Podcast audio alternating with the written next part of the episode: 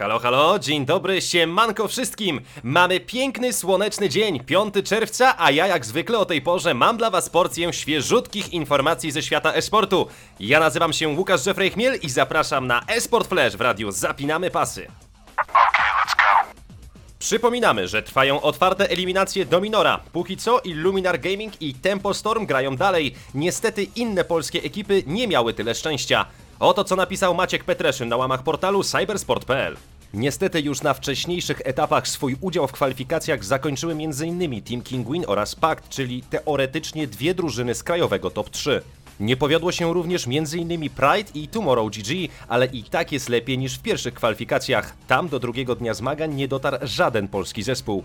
A teraz mamy IHG, które w swoim kolejnym meczu podejmie Tricket Esport. W stawce pozostały także dwa międzynarodowe składy z Polakami w składzie. Pierwszy z nich to oczywiście Tempo Storm, w barwach którego oglądać możemy Pawła Innocenta Mocka, które dziś zmierzy się z międzynarodowym miksem Kings. Na miksowe granie postawił także Damian Derciak-Slaski, który wraz ze swoimi kolegami z Arte et Marte stanie naprzeciwko Portugalczykom z Hexagon Esports. Warto zauważyć, że wcześniej ekipa 20-latka wyeliminowała między innymi Kinguinów. Wszystkie mecze planowo mają rozpocząć się o godzinie 19. Ostatecznie awans na zamknięte eliminacje do europejskiego minora uzyskają tylko dwa najlepsze zespoły. FIFA 18 losowanie zakończone. Damie poznał swoich rywali w FIFA E World Cup 2018. Ponownie Maciek Petreszyn dla Cybersportu. Świeżo upieczony zawodnik AS Roma Fnatic zdołał kilka dni temu przebrnąć przez europejskie eliminacje, które miały miejsce w Amsterdamie. Teraz natomiast jednym z jego rywali będzie półfinalista ubiegłorocznej edycji Mohamed Moubameyang Harkous z teamu Expert.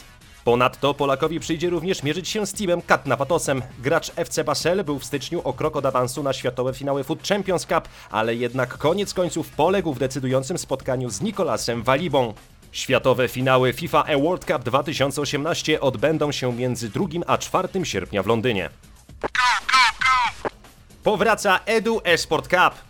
Esports Association wraz z MSI zapraszają amatorskie drużyny z całego kraju do rywalizacji w CSGO. Rozgrywki dedykowane są maksymalnie 16 zespołom, a pierwszeństwo w zapisach mają te złożone z uczniów i studentów.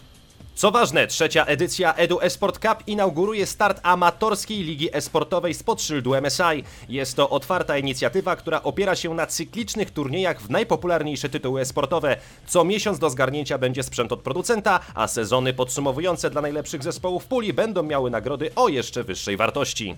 Specjalnie dla radia zapinamy pasy. Łukasz Jeffrey Chmiel głos do studia. Halo Warszawa!